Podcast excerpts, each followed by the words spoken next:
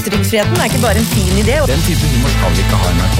Som forfatter eller journalist er du alltid redd for at du har misforstått eller trådt feil. Her har vi da idrettsregler som griper inn i ytringsfriheten. Skillet er egentlig den kunstneriske kvaliteten. Det er jo ment for å gjøre narr av politiet. Jeg vet ikke om det! Har jeg et rent hjerte når jeg sier dette her?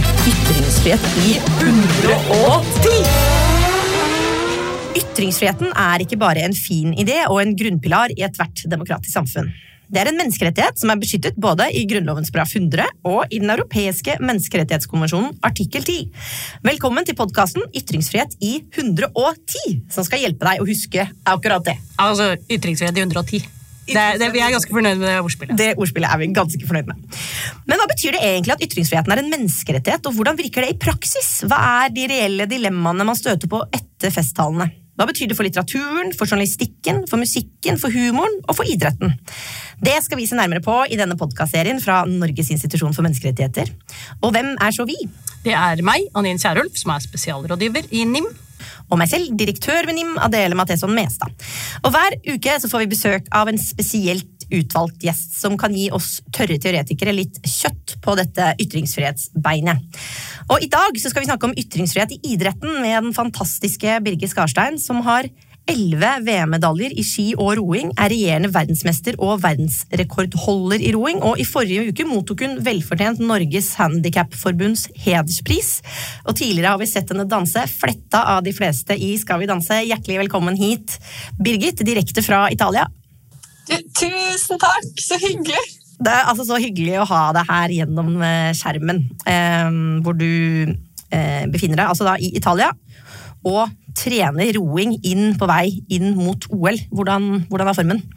Du, Den er egentlig ganske bra. Eh, og Nå er vi i Italia fordi at eh, vi skal drive og lære oss å prestere i varme. Fordi vi har, vi har ikke så varme forhold i Norge som det vi kommer til å, å mest sannsynlig da, få i Tokyo. Så det må vi trene på. Så da er vi her. Hvordan går det? Er det, er det fælt? I starten så, så det ganske tøft. Altså, du vet Når du er i Syden eller et eller annet sted hvor det er varmt, hvis du skal ut midt på dagen og trene da, så føler man seg ganske slapp og, ja. og blir litt sånn sliten av eh, sola. Eh, men eh, det kan trenes opp. Vi akklimatiseres jo. altså Vi venner oss til å prestere eller trene i varme. Og det blir litt bedre i dag for deg. Det er sånn temperaturhøydetrening. Ja, det er altså, faktisk det. Ja. Så bra. Um, vi skal sammen i dag eh, runde særlig to temaer. Det første handler egentlig om ytringsfriheten i idretten sånn helt generelt. Uh, og det andre, andre, handler om folk som bruker ytringsfriheten sin når de egentlig burde holdt kjeft, og hetser og hater, og hva man egentlig kan gjøre med det. Men utgangspunktet her er jo da at uh, idrettsutøvere de har selvsagt ytringsfrihet som alle andre mennesker. Men hvorfor hører vi ikke egentlig mer fra dem da? Det kan jo være fordi de driver med idrett isteden. Ja, det er det de driver istedenfor å ytre seg. Idretten er jo en litt sånn lukket arena, og det er noen særlige regler eh, som gjelder. Man har f.eks. Eh, IOCs eh, Rule 50, som sier at det ikke er lov med politisk budskap på olympiske arenaer eller seremonier. Eksempel så har Fifa egne, eget utstyrsreglement som forbyr visning av politiske, religiøse eller personlige meldinger på drakter osv. Så videre. sånn at innenfor idretten er det noen liksom særlige regler som regulerer generell atferd for idrettsutøvere, men som også legger noen begrensninger på hva idrettsutøvere kan ytre seg om. Men bare helt generelt først til deg, Birgit. Hvordan opplever du ytringsklimaet i idretten? Altså, jeg opplever at jeg har eh, ytringsfrihet ved at jeg kan si egentlig det jeg vil. Jeg er jo veldig heldig som bor i et land hvor jeg ikke er nødt til å stå for myndighetene sin politikk, eksempel, eller nødt til å fronte noe som noen andre pålegger meg å fronte. Eh, I hvert fall ikke alle kontroversielle standpunkt som jeg kan være uenig i. da. Så, og så opplever jeg også at Hvis jeg har lyst til å si noe om en sak, så, så har jeg jo mulighet til det og blir jo ikke straffa for mine meninger, uansett om de også skulle være litt kontroversielle. Um, men jeg tror jo, det er interessant at du sier, hvorfor hører vi ikke mer til idrettsutøverne? Jeg tror at Det er en ganske komplekst bilde. egentlig. Og jeg tror jo at det er en kombinasjon av at som du sa så fint der, at de er ute og trener. De er ute og driver med jobben sin, som ofte er noe helt annet enn å lese opp på samfunnssaker. Altså, du har jo et mangfold av utøvere, akkurat som du har et mangfold i befolkninga vår. Det er litt forskjellig hvor mange og hvem som er interessert i de tingene som er oppe og diskuteres i samfunnet. Så vi har jo en del utøvere som er veldig samfunnsengasjert, og som er belest, og som bryr seg om de tingene som debatteres og diskuteres. Men jeg tror kanskje at det er en sånn respekt for at situasjoner og saker ofte er ganske komplekse. Og at som idrettsutøver så har du jo allerede en fulltidsjobb, så du sitter ikke og leser deg opp på det som jobben din. Uh, så det, Man har respekt for at det er ting man kanskje ikke ser, og det skal man være litt bevisst når du er i en posisjon som blir lytta til. fordi mange idrettsutøvere Eh, er jo i en posisjon at de får oppmerksomhet hvis de uttaler seg. Og Da er det viktig at det de sier for er riktig eh, og ordentlig, og tar høyde for at det er mange nyanser og at saker ofte er komplekse. Eh, det blir ofte litt ut av proporsjoner i forhold til at det bare er en lekmann som uttaler seg. og så tror jeg også at det kan kanskje være en del som er redd for at det skal generere mye støy. Da. Eh, fordi at man blir tolka, og kanskje blir man ikke sitert helt sånn som man mente det. Eh, og så blir det tolka, og så eh, blir det mye meninger rundt det de egentlig mente, som ikke nødvendigvis samsvarte med det de mente å si. Det er jo en medievirkelighet man må forholde seg til, som jo gjør at jeg tror mange kanskje vegrer seg litt for å uttale seg, for de ikke helt ser konsekvensene av det. Samtidig som det også gjør en kjempestor mulighet for å kunne være med og, og tilføre noe positivt da, og noe bra. Og kunne stå for noe som er stødig og, og fint, og som har en effekt. For det er egentlig det for Vi har egentlig tenkt på det litt fra den motsatte siden, at disse begrensningene som jeg nevnte, som på et vis begrenser Men det du egentlig sier, at dere har jo en enorm plattform også. Eh, og at den plattformen kan man jo tenke seg at det er fint at man bruker. Og liksom, i hvilke tilfeller er det du tenker at det er viktig å bruke den plattformen? Jeg tenker at det er kjempeviktig, og jeg prøver jo å bruke den plattformen sjøl, fordi jeg tenker at det er en supermulighet til å kunne belyse noen av de tingene som jeg syns er viktig for samfunnet vårt. Da. Og jeg, jeg syns f.eks. at det er veldig viktig at vi er tydelige på det at vi alle sammen har like rettigheter. Altså, Menneskerettighetene burde jo være en utrolig lite kontroversiell sak å kunne stå for, eksempel. men samtidig så ser vi jo at det er jo masse homohets, det er masse hets mot kvinner. Eh, mange med funksjonshemminger blir utsatt for hets. Det er jo en ting som idretten definitivt kan være med å fronte og si at men det er, ikke, det er ikke hvem du er, eller hvordan kroppen din er når du utfører jobben din som er viktig, eller når du er i aktivitet. Det er hva du gjør, og hva vi kan få til sammen. Det er en veldig fin arena til å vise et fellesskap og et mangfold som på mange måter speiler samfunnet vårt. Og det kan vi være enda flinkere til å stå opp for, tror jeg. Ja, for, der er det jo noen begrensninger. Men det er jo veldig interessant det du har sagt nå, Birgit. For det, er jo, det du har skissert her, er egentlig en rekke sosiale begrensninger. Både som du legger på deg selv fordi du er en reflektert og, og ordentlig person, men, men, også den oppmerksomheten omkring den forbilderrollen og hva man bruker den til. Eh, og noe om mediedynamikken, nemlig er det, bør jeg egentlig si dette, for blir det feiltolket, og så må jeg bare svare på masse ting i en evighet, liksom. Og det er jo én type eh, normer, kan man si. Sosiale normer. Og så er det jo de som du nevnte innledningsvis, Adele, med de, eh, de, eh, egne reglene som gjelder i idretten. Og det er jo noen gode begrunnelser for dem. ikke sant? Det er en fordel å kunne drive idrett uten at alle skal drive med politikk hele tiden, og komme med de mest kontroversielle budskapene. Kan ta litt fokus vekk fra spill og lek og, sport. Eh, samtidig så er det jo, eh, og jeg føler jo veldig, det er jo vi føler deg veldig på at det burde være helt ukontroversielt å stå for menneskerettigheter. Det hender jo at disse lekene og verdensmesterskapene og sånn finner sted på steder som ikke er så opptatt av de samme menneskerettighetene. Og da er det jo ikke sånn at alle løper rundt på banen og sier menneskerettigheter hei, hei, hei. Nei, og Der kunne idretten vært mye tydeligere. Det tror jeg absolutt. Og, når det kommer til det her reglene og sånn som vi har, da, det, det er ser idretten som en, altså det jeg ser som en av de største uh, mulighetene idretten har, da, er jo at det er en arena hvor man setter sammen veldig mye forskjellige folk fra absolutt hele verden. Altså IOC har jo flere medlemsnasjoner enn FN. Uh, og det sier noen ting om hvorvidt den brer. Altså, du har det i absolutt alle land i hele verden.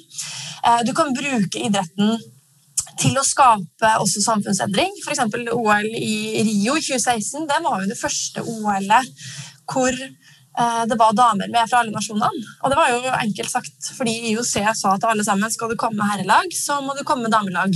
Og så var det noen nasjoner som sa ah, vi har ikke noe damer vi som driver med idrett. Sorry, ass, vi får ikke sendt noe damelag. Eh, og så sa jeg også ok, det var jo synd for herrelaget deres, da, som da ikke får komme. og så fant de søren meg noen damer likevel. likevel. Fikk kravd opp noen damer likevel. Yes! som kunne drive med idrett. Og det sier jo noen ting om vilkårene i de nasjonene for jenter for eksempel, til å drive med altså det vi kan kalle med lek. da. Eh, hvordan du kan flytte det fra den store internasjonale arenaen og ned til dagliglivet. Altså når de da ser at det er en del damer som driver med det, så har det en signaleffekt. Eh, når det skulle være OL i eh, Moskva i 1980 i Russland, så er det jo en, tra en, tradisjon for at Paralympics, som er de paralympiske lekene, det følger OL det, og er på samme sted eh, i tida etter OL. Men når de skulle ha det i Moskva i 1980, så, så var det noen problemer. fordi at i Russland så hadde man ingen med funksjonshemming.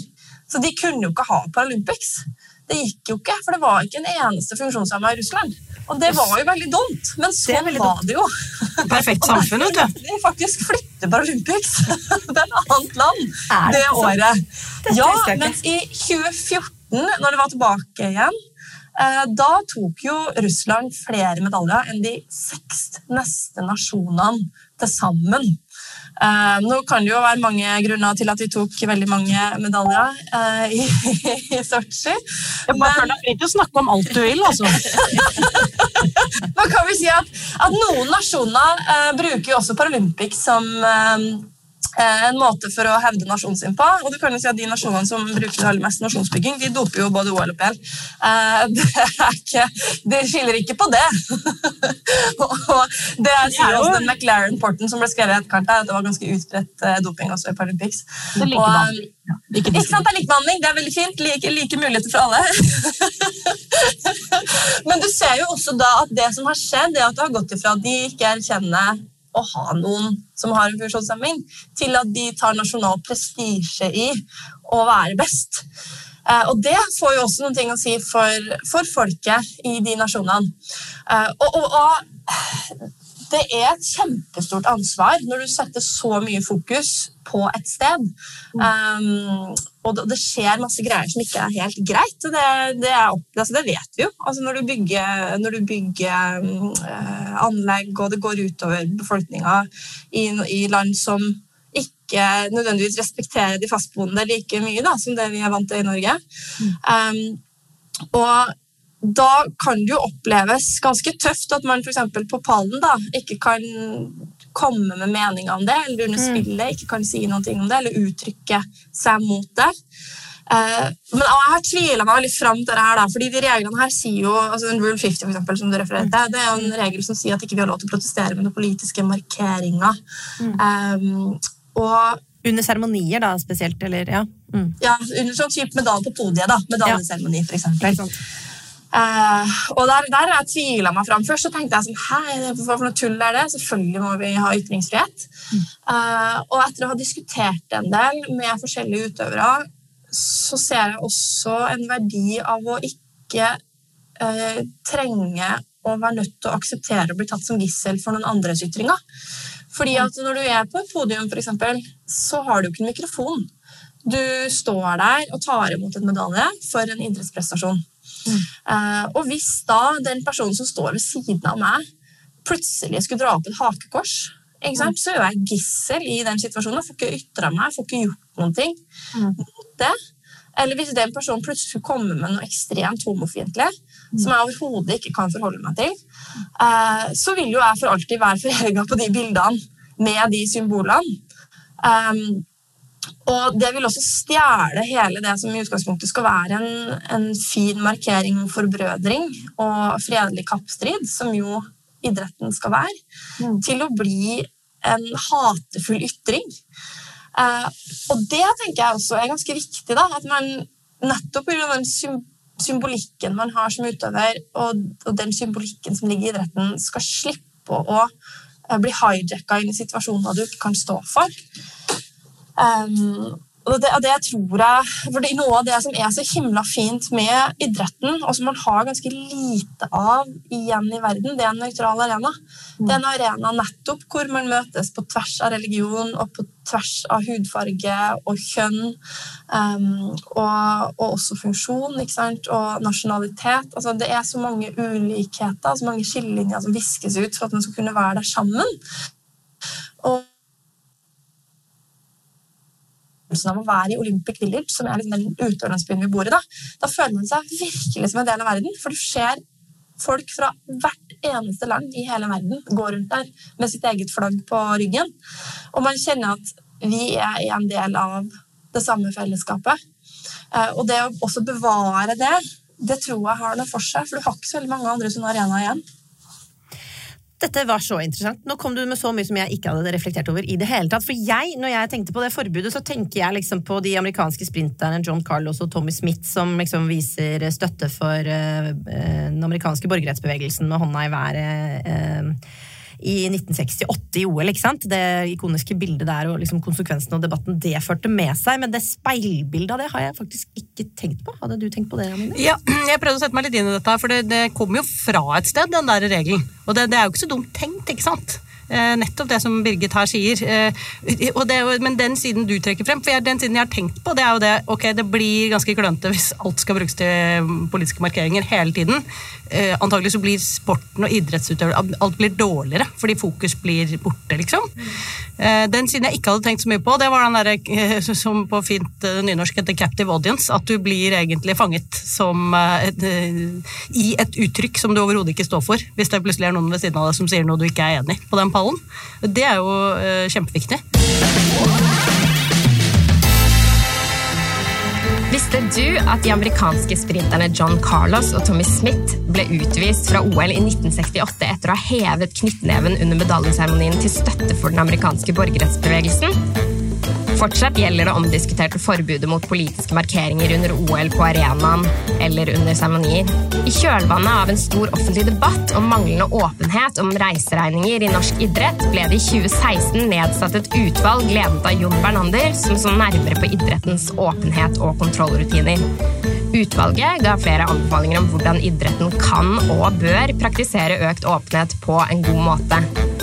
Basert på utvalgets anbefalinger er det nå bl.a. åpnet for økt innsyn og åpenhet om regnskapsopplysninger, og det er etablert en varslingskanal.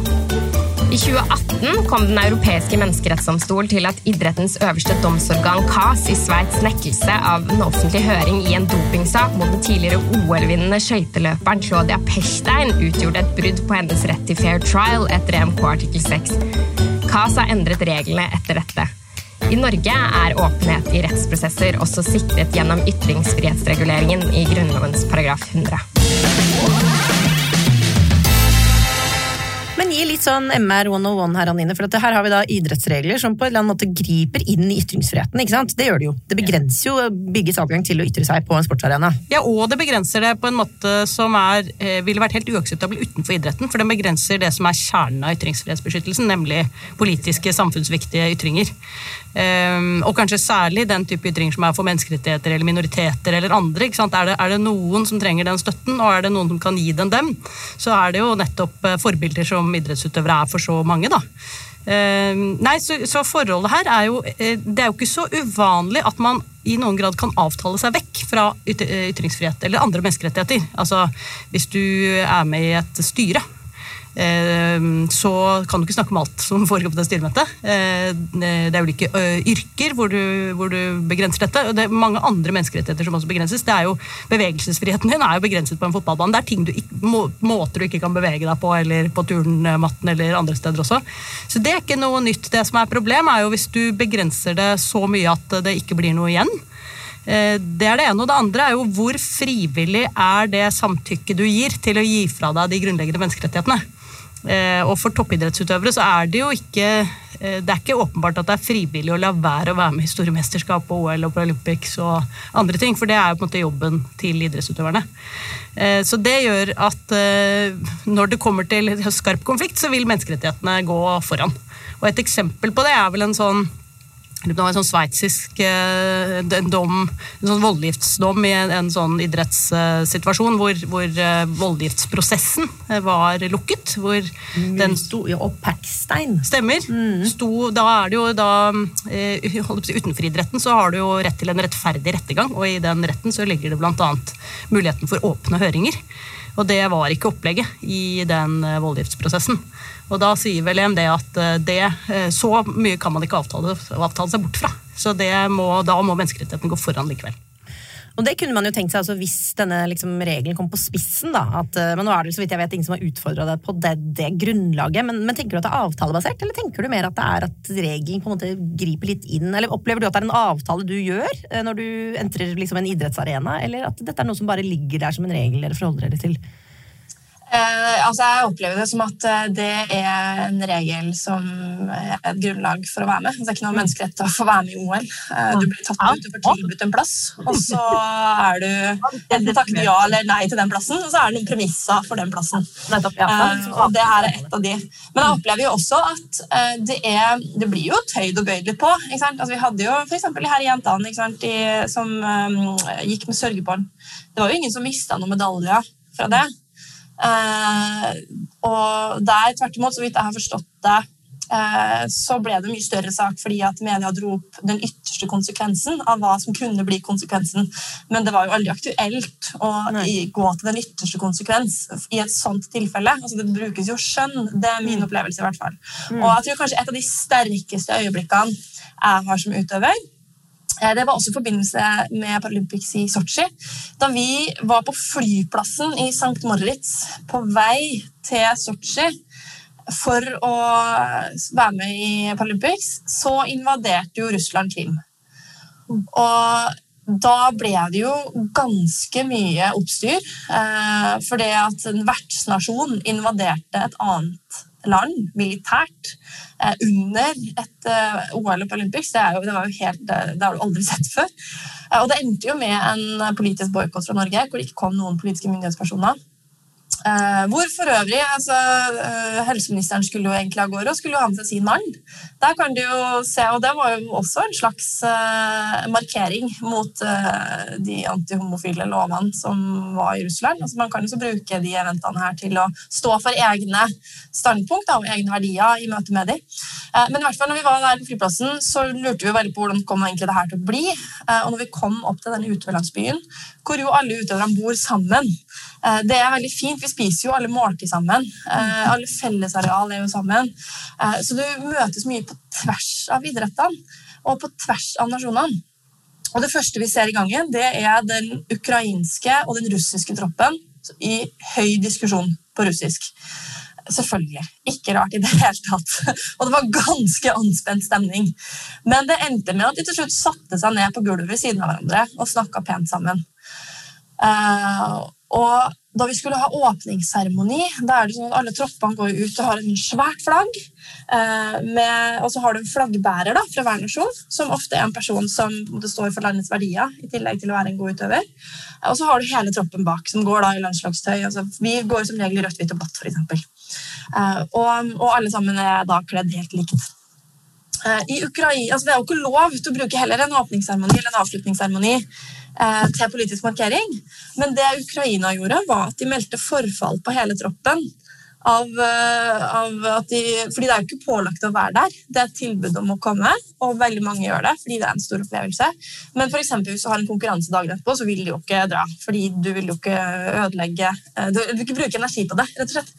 Og plutselig kunne hele den ukrainske troppen ikke komme til denne åpningsseremonien. Og det som jo da skjedde, var jo fordi hver, hver nasjon har jo en tilmålt tid til å klare å komme seg over den scenen. Og den russiske åpningsseremonien var jo helt vanvittig svær. altså Den hallen var så stor. Og det var et så vanvittig sterkt øyeblikk når den ukrainske flaggbæreren kom ut. Og i den tida hvor jo egentlig hele den ukrainske troppen, som er ganske stor, skulle ha tid til å komme inn og følge etter, så ble den flaggbæreren stående helt alene på den her russiske, svære arenaen med en kjeglelyskaster rett på det ukrainske flagget. Og der sto han. Og så begynte russerne å klappe og reiste seg. Yes. Og så klappa plutselig hele stadion til det ukrainske flagget. Før den flaggbæreren gikk videre og gikk av scenen og stilte seg i prosesjon da, med de andre nasjonene. Det tror jeg er et av de uh, ja, det, det, var et vanvittig rørende. Jeg får gåsehud enda. Ja, men jeg får gåsehud. Vi sitter her i et veldig varmt studio og får gåsehud med deg. For det var en sånn kobling mellom det russiske folket og den ukrainske troppen Eh, og en sånn, hvert fall for meg, da, så føltes ut som at de sa sånn Vi står sammen, liksom. Vi syns heller ikke dette er noe kult. Eh, vi la oss liksom stå i dette her i lag. Men det du skisserer her nå, så du var jo inne på dette med at man bruker skjønn, øh, og i forhold til disse øh, jentene som du nevnte med sørgebind på armen. Dette er jo et, altså, Hvis man leser den Rule 50, så rammes det jo av det. Begge disse tingene gjør det. Det er åpenbart politiske markeringer, begge to, men som da ikke slås ned på fordi de blir så sterke. Jeg tenker Det er jo en sånn det er jo litt sånn en ode til ytringsfriheten, det også. Eh, hvis du prøver å begrense den bort, så får, den, så får, ytringer og budskap ofte bare et annet uttrykk. Om det er eh, binderser i knappølet eller hva det er for noe. Eller ja. fravær av å være der. Eller fravær, bare, ikke sant. Ja. Nei, det er veldig... Talende taushet. Hvis de virkelig hadde ønska Hvis formålet virkelig var å, å, å slå ned alle former for ytringer, så hadde de slått hardt ned på det. Da hadde de ekskludert den ukrainske troppen. Da hadde de tatt fra de norske jentene den medaljen. Og det gjorde de ikke. Ja, sånn at jeg opplever jo at det utvises jo skjønn uh, i de her sakene også. Det er, jo, um, det er en fordel egentlig å bruke demonstrasjonsretten sin på diskré måter som de som kan utøve det skjønnet, er enig. Det er det du sier? Ja. eller ikke nødvendigvis hvis en bruker det til å spre hat, men stå opp for noen mer grunnleggende verdier. Mm. Jeg synes også, Tilbake til det du sa innledningsvis om liksom fravær av eh, utøvere med funksjonsnedsettelser i Russland det første året, og fravær av kvinnelige utøvere. Og så, på en måte, og så brukes idretten på et vis, eller arrangementene litt politisk, til å fremme utvikling da, i de landene som er mer i tråd med, med de universelle menneskerettighetene. Men, men, men den er jo den er jo litt forsinket, vil man tenke, da, fra et norsk perspektiv. ikke sant? Kvinner i 2016 eh, Det er jo ganske lovlig seint. Og, og, hva gjelder f.eks. spørsmål som homofili, der hvor det vel fortsatt er Ligger, ligger, noen, eh, ligger litt bak i tenkingen rundt Det er vel land som ikke har homofile fremdeles? Ja, det er vel fortsatt, ja. Eh, Hvis man hadde lagt det som et krav, da, at alle må ha et mangfold av idrettsutøvere også langs de aksene, så var det vel ganske mange som ikke ville hatt med seg utøvere, for å si det sånn. Eh, hvordan, hvordan, tenker du at man liksom kan bidra til nettopp den type utvikling? Da? Altså at idretten kan utspille sin rolle også i relasjon til andre minoritetsgrupper? Jeg tenker at Det er kjempeviktig at man bruker litt sånn softmakt egentlig, mot uh, sånne nasjoner. Og nettopp er med og bidrar til å støtte eh, at alle skal kunne drive med idrett, f.eks. Eh, det går jo altfor sakte. jeg hadde satt pris på om man kunne få grunnleggende menneskerettigheter på plass. Er det så vanskelig? Oh, ja! Bravo! Jeg skjønner ikke hvorfor det skal ta så lang tid! Liksom, kan vi ikke bare være enige om dette? Det er jeg vil jeg snakker om det, for det er sånn her, hallo! Hvorfor skal vi bruke tid på det her i 2021? Det er så utrolig unødvendig. og Jeg kjenner liksom det der å legge begrensninger på andre mennesker. Altså, Jeg vil legge begrensninger på deg sjæl. Hvis du ikke ikke, hvis du ikke vil være homofil, så, så, ikke vær det da greit, men ikke si at andre ikke får lov. Kan du slutte med det, liksom? Det er, det er, det er kardemommeloven! Du kan gjøre som du vil, bare vær grei og snill, og ikke vær slem med andre og oppfør deg pent, liksom. Vær snill og prøv så godt du kan. Det er ikke så vanskelig. Nei, dette var bra. Det var en av de fineste menneskerettighetstallene jeg har hørt på lenge. Dette tror jeg blir, det jeg tror det blir teamsong for, ja. for NIM. Ja, det tror jeg faktisk. Nei, det var helt fabelaktig. Du er jo selv en helt fantastisk ambassadør, det må vi jo bare si. Eh, og virkelig ære være deg for det. Men det er jo ikke alltid sånn at eh, selv du da eh, liksom bare opplever den kjærligheten du burde oppleve. Vi vet jo, vi har vært litt inne på det, men men det finnes jo også liksom, ulike former for hets da, som ulike minoritetsgrupper utsettes for, og som du også har snakket om tidligere etter deltakelsen din i Skal vi danse, at, at du da fikk en del sånn negative reaksjoner. Kan du, kan du si litt om, om, hvordan det var, og hva, hva det besto i? Og hvordan, hvordan du opplevde det? Altså, jeg syns jo det er viktig at vi har en liksom ærlig og fin tone oss imellom også i samfunnet. Da. Hvis jeg gjør noe feil, så kan jeg få en korreksjon for det. og så kanskje jeg kan gjøre det litt bedre neste gang. Eller hvis jeg sier noe som er krenkende, så får jeg beskjed om det. Så at jeg ikke trenger å gjøre det igjen. For det kan hende at det er noe jeg ikke tenkte over eller ikke var bevisst. Uh, men den kritikken som kom i forbindelse med Skal vi danse, det, det var ganske interessant, for den kom mye mer på hvem jeg er og hvordan jeg framstår. Da. Altså hvordan funksjonen er. Eh, Jeg fikk en del kritikk for at jeg som satt i rullestol, ikke eh, hørte til og ikke burde være en del av det fellesskapet som var på det gulvet og dansa. Eh, og, det var liksom overraskende mange som rett og slett sa liksom, men dette her er jo ikke noe fint. Altså, sånn, sånne folk ville vi jo ikke se. Sånne folk hører jo hjemme med hverandre, ikke med oss. Det, og, og de tok for seg egenskaper ved meg som ikke er eh, eksklusivt for meg, men som også gjelder ganske mange andre. Eh, så det synes jeg var litt krevende. for jeg tenkte sånn, ok, her, Dette her kan jo barn lese, dette kan jo ungdommer lese, sant, som, som har lignende funksjon som meg, for eksempel, eller har en eller annen form for annerledeshet. fordi at de tok den annerledesheten ganske hardt eh, og definerte med den meg ut fra det fellesskapet. Og at sånne, eller folk som har sånne avvik fra det vi anser som normal, det vil vi ikke ha med. Eh, og da står du i fare for å ekskludere en hel gruppe med mennesker fra det jeg mener skal være en dansegulv hvor det er plass til absolutt alle sammen. Da. Altså det er samfunnsgulvet vårt. Der skal det plass til alle sammen. Eh, overraskende mange hadde liksom behov for å putte meg i en boks og definere eh, min rett til å få være med. Eh, det syns jeg var litt krevende. Eh, og jeg kjente liksom på det at jeg ville jo det skulle være noe som var positivt, og som skulle vise muligheter. og som skulle Spesielt kanskje vise barn og unge da, som hadde en eller annen annerledeshet ved seg. At eh, det hjelper å prøve, og det hjelper å tørre, og de var kasta ut på å gi det en sjanse.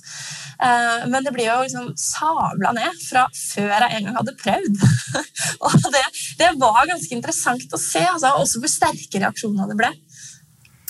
Dette reflekterer dessverre en eh, utfordring som vi ser på mange områder når vi jobber med eh, menneskerettighetene til personer med nedsatt funksjonsevne. De jo, det finnes jo en egen konvensjon som heter, CRPD, eh, som handler om et paradigmeskifte i synet på personer med funksjonsnedsettelser, fra at man tenker på dem gjennom et prisme liksom, i medisinske diagnoser og kategorisering ut fra funksjonsevne og sånn, til en tanke om likeverd, likestilling, og at alle mennesker har like muligheter. Det handler bare om hvilke barrierer samfunnet skaper, og at det er de barrierene som fjernes.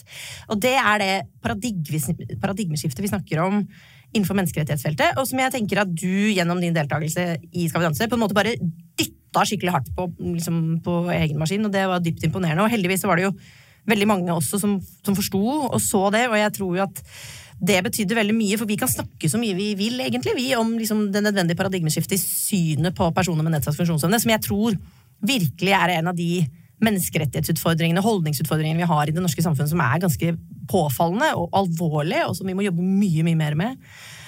Um, men, men det er likevel interessant det du skisserer, for det er på en måte reflekterer litt utfordringene tror jeg, på veldig mange områder. ikke sant? Det, det er de historiene vi hører fra de barna som uh, liksom blir behandla helt annerledes når de skal på skoletur, eller undersøkelser som viser liksom manglende tilgang til uh, idretten, hvordan, altså, som gjør at og, og, Diskrimineringsvernet handler jo nettopp om å ikke diskriminere folk på grunnlag av ting de overhodet ikke kan noe for. ikke sant? Det er det som er hele tanken med diskrimineringsvernet. Så jeg tenker jo at det du gjorde der, var, bare si det, det var helt eh, fantastisk. Men det viser jo, som du sier, også et behov da, for at eh, denne diskusjonen er vi kanskje ikke helt ferdig med. Hva tenker du må til videre for å få til det paradigmeskiftet man snakker om? Det er du som snakker om det, altså. Hvis jeg bare kan si Ja. det først. Nå har du sagt paradigmeskifte fire ganger, nemlig, for det, og det er jo et veldig viktig ord. Ja. Men bare hvis man ikke er kjent med Thomas Kohn, eller hvem du har som innførte det. Det er jo bare at du, du har sittet og sett på ett av fire ark hele tiden, og så viser det seg at svaret var på det andre. Så Ja, du må du har- flytte blikket helt, liksom. Du har liksom. liksom sett verden gjennom ett prisme, Ja. og så sier noen nei, nei, vi må se på verden gjennom et annet prisme. Ja. Ikke sant? Vi kan ikke Det- se på disse, vi kan ikke se sånn Å, hvilken diagnose har du? Vi må slutte med det. Vi må begynne å si Du har sett på det gjennom sånn stjernekikkert, og så du vred du en gang for lite. Så Ja. det ble helt gærent sånn. Du Ja. fikk ikke Og så ville du bare Vi ser det gjennom denne, denne prismen isteden, som er likeverd. Menneskerettigheter. Ja. Det vil vi. Ikke sant? og, og hvordan får vi hvordan til det? får vi til det? Og Hvordan får vi kasta den kikkerten? for, for de, alle de som skrev til deg og mente at du, sånne som deg ikke skulle vært med, hvordan får vi dem til å skjønne det? Det er superspennende. Altså, og jeg, jeg synes jo egentlig Skal vi danse en veldig fin arena å, å røyke det litt ut på. Da. Fordi at Der er det jo sånn at Man har masse forskjellige folk som konkurrerer mot hverandre. Altså, Du har en olympisk mester som er satt opp mot en tidligere rusmisbruker. Eh, og du har eh, voksne menn eh, med liksom stive ledd og større, ja, ikke, ikke veldig atletiske. Og du har veldig unge eh, folk som har trent masse. Eh, du har folk med konkurranseerfaring, du har folk uten konkurranseerfaring. Du har noen som liksom går i svart i det du skal i live fordi de ikke håndterer stress. Men så er det andre som elsker det stresset. Altså, du har så forskjellige egenskaper da, som er satt opp mot hverandre. Eh, og det at man liksom syns at alt det, ja, men det er ikke noe stress, det er helt greit. Eh, men det der med at hun ikke kan gå, det er så vesensforskjellig at det kan vi ikke ha noe av. Da singler man jo ut én egenskap som jeg jo egentlig mener, etter å ha sittet oppi det sjøl, en ganske lite vesentlig i forhold til en del av de andre. Er det helt riktig. Jeg hadde en superkonkurransefordel fordi jeg er vant til å prestere under press. Jeg er vant til å trene strukturert og målretta. Jeg er vant til å stå i mye eh, fysisk og mental eh, arbeid da, og trening og stress. Eh, jeg er vant til å strebe etter en prestasjon og gå ut og levere når det kan. Men det at jeg ikke kunne bruke beina, det var ikke noe fordel for meg. Men likevel så var det det som ble trukket opp av masse folk som mente at de hadde fasiten, kun basert på det de så også før vi hadde begynt i det hele tatt. Mm. Og Jeg snakka med psykologene på sett, fordi vi hadde noen psykologer som fulgte oss. og Jeg, var liksom oppriktig forundra når vi fikk så mye kritikk før vi hadde dansa et eneste skritt. av folk som mente at dette kan ikke gå, dette går ikke an, dette er jo helt umulig, dette er superurettferdig. Uh, og de sa liksom at dette er helt etter boka. Det er tre grupper som alltid, alltid får hatt.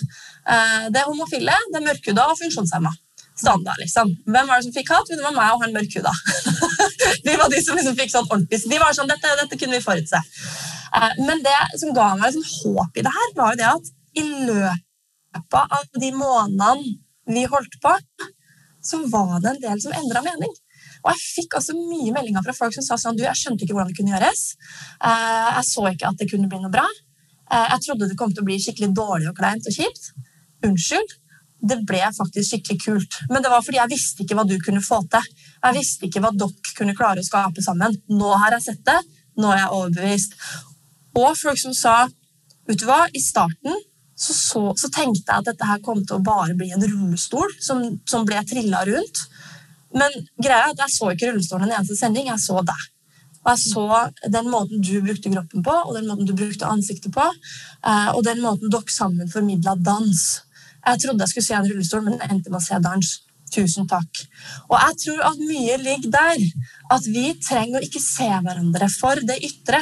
Eh, at man ikke bare ser den mørke huden, ikke sant? at du ikke bare ser den stolen. Eller ser at oi, der er det ikke en arm. oi, den personen kan ikke se. Og så definerer folk ut ifra det. Men at du faktisk blir kjent med de menneskene som er bak der. Og de andre egenskapene som, altså jeg vil jo si, Hvis jeg skal trekke opp mine liksom, topp ti egenskaper, så er det at jeg ikke kan gå. Ingen av de det kommer lenger ned på lista. Liksom. Jeg har andre egenskaper som er mye mer definerende for meg i mitt liv, men de er ikke like synlige utad. Og der tror jeg at det er fryktelig viktig at du har et bredt mangfold som er representert, spesielt i media. Fordi at mange av oss blir jo ikke eksponert for alle de variasjonene vi har. Og da bygger man antakelser basert på ganske mangelfull informasjon og begrensa informasjon. Men alle de videoene jeg for i høst da, fikk av barn, og fremdeles får I går fikk jeg enda en video av en mamma som sier at dattera hennes på fem år bare ber om å få se på prinsessa i gullkjolen. De tenker ikke over rullestolen engang. De bare ser liksom, å, dette var veldig kult. Klarer du å eksponere den kommende generasjonen for at dette er helt normalt? Dette er bare en, en variasjon av det å være menneske. Eh, det er ikke noe farlig, det er ikke noe negativt eller positivt. Dette er bare en variasjon. Det er bare litt annerledes fra akkurat sånn som du har det. Men det er helt likeverdig. Da har jeg håp om at vi kan få liksom en generasjon som tar det her helt for gitt. Litt sånn som jeg opplever at vår generasjon nå er litt sånn ja, men Det hender jo at jeg også sier det til, til mora mi. Kanskje som mamma, det der kan du faktisk ikke si. Og så sier hun sånn ja, men dette, det mener jo ikke noe vondt med det. Nei, jeg skjønner det, men du kan faktisk ikke si det, for det er ikke greit å si. Eh, og når, når, når, vi liksom har begynt å komme dit at vi korrigerer hverandre fordi vi ønsker et mer respektfullt fellesskap, og vi tar det for gitt. Da tror jeg vi begynner å nærme oss mål. Men det tar tid, da. Åh, oh, det var fint. Kan vi, kan vi, ha med henne? Kan hun begynne å jobbe hos oss? Jeg vet ikke.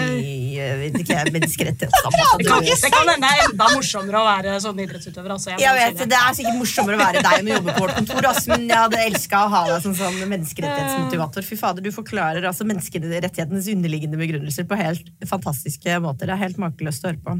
Men vi kan jo ikke fortsette med dette, for vi må jo gå inn for landing. Vi må det. Selv om jeg kunne sittet her i hele dagen og fått gåsehud når du snakker om menneskerettigheter. Det er fader danse meg utrolig bra. Men fader danse. Hæ? Veldig bra uttrykk. Ja. Men du Skal vi se, vi har jo noen sånne faste spørsmål vi skal spørre deg nå, da. Um, nå skal vi spørre de, stille de spørsmålene som det så flott uh, heter. Um, hva er det rareste noen noen gang har sagt til deg? Jeg tror kanskje at det er uh, Du er jo akkurat sånn som oss, jo. Ja. Jeg er faktisk en av oss. Når du sier det, så Ikke, Er du ja, også et menneske? ja, ikke, hva var det? det er sånn sammen, sammenligningsordet som. ja. Det var det som var feil. Ja, Og du da, men eh, kanskje basert på dette egentlig, men hva ville du selv aldri sagt? Jeg prøver veldig hardt å unngå å krenke, i hvert fall. Ja. Fall så godt jeg kan. Og prøve å ikke karikere og, og bruke min ytringsmulighet til å begrense andres frihet. Og hva skulle du ønske at noen sa til deg? Jeg liker veldig godt når folk omtaler meg for de tingene jeg gjør eller de tingene jeg sier. Uh, på noen sånn ordentlig og respektfull og likeverdig måte. Uh, og ha liksom respekt for det jeg gjør. Da. Eh, det syns jeg er veldig ok. Jeg synes Det er liksom interessant hvor ofte eh, jeg blir en jente, f.eks., i media. jeg skjønner jeg er 32, da. Jeg er ikke, et barn. man kan liksom myndiggjøre, man kan umyndiggjøre gjennom språk. Eh, og det, det, jeg blir veldig glad når folk liksom er saklige og, og reale. Veldig bra. Ok, Anine, Hvis du skal oppsummere, hva lærte vi i dag? Jeg følte i hvert fall jeg lærte helt sykt mye, men hva lærte du? Det er nesten umulig å oppsummere godt. Hvis vi skal ta de to temaene som vi egentlig har vært innom, selv om dette har trukket i veldig mange utrolig interessante retninger, så eh, når det gjelder ytringsfrihet i idretten, så tror jeg vi kan oppsummere med at de fleste tingene som virker begrensende på eh, ytringsfriheten i idretten, det er eh, ikke formelle regler. Det er opplevelsen av egen posisjon som rollemodell, og hvordan man best kan bruke den. Og eh, måten mediene fungerer på, som gjør at det av og til er ganske ubehagelig å uttrykke seg som kjendis, fordi da får man enten feiltolket eh, sine utsagn eller masse rare oppfølginger som man ikke kanskje har tid til engang. Eh, og at den eh, regel nummer 50, fra, som vi har snakket litt om, at den ja, den virker absolutt ytringsbegrensende, og til dels på en måte som kan stride med menneskerettighetene, men den har noen veldig gode grunner for seg. Og kanskje er det også sånn at idretten, selv om den kan virke litt tregere enn eh, menneskerettighetsdomstoler, favner utrolig mye bredere. Den favner mye bredere enn FN. Og den kan gjøre at den, den tvinger frem noen endringer på sikt. F.eks. kvinners eller folk med funksjonsnedsettelsers deltakelse i idretten. Um, så det tror jeg er det jeg lærte på det punktet der. Og når det spørsmålet hva gjør man med hat og hets, det er jo liksom det s- m- m- 2000, 10 000, en milliard kroner spørsmål om dagen. Så syns jeg det var veldig fint det du sa. Og det passer egentlig veldig godt med hvordan du opptrer som idrettsutøver, syns jeg også. Det er jo um, Kan vi prøve å vise de som sier ting som er krenkende og sårende, at de tar feil på en hyggelig måte? Gjennom å lede gjennom eksempel og være et godt forbilde. Og plutselig så ender man opp med å gjøre noe som er utrolig vanskelig å få til gjennom argumentasjon, i alle fall, nemlig å få noen til å endre mening. Hvis du danser med rullestol, så skjønner folk at det, det går helt fint an å danse med rullestol. Og kanskje endrer de mening fra at de trodde det var helt umulig først. Veldig god oppsummering, og tusen takk til deg også, Birgit, for at du ville dele alle dine innsikter og ditt fantastiske engasjement med oss. Og tusen takk til dere som hører på. De av dere som er interessert i mer informasjon om de menneskerettslige sidene i det vi har snakket om i dag, kan finne det på hjemmesiden, hjemmesidene til NIM på www.nhri.no. Og hvis dere har hatt glede av denne praten, sjekk gjerne ut resten av episodene i Ytringsfrihet i 110. Tusen takk for oss! For oss! Ha det! Ha det! Podkasten er spilt inn i Dr. Dirks studio av de kjempeflinke folka hos Rollo Live. Hæ? Det går bra. Den satt. Den tar vi.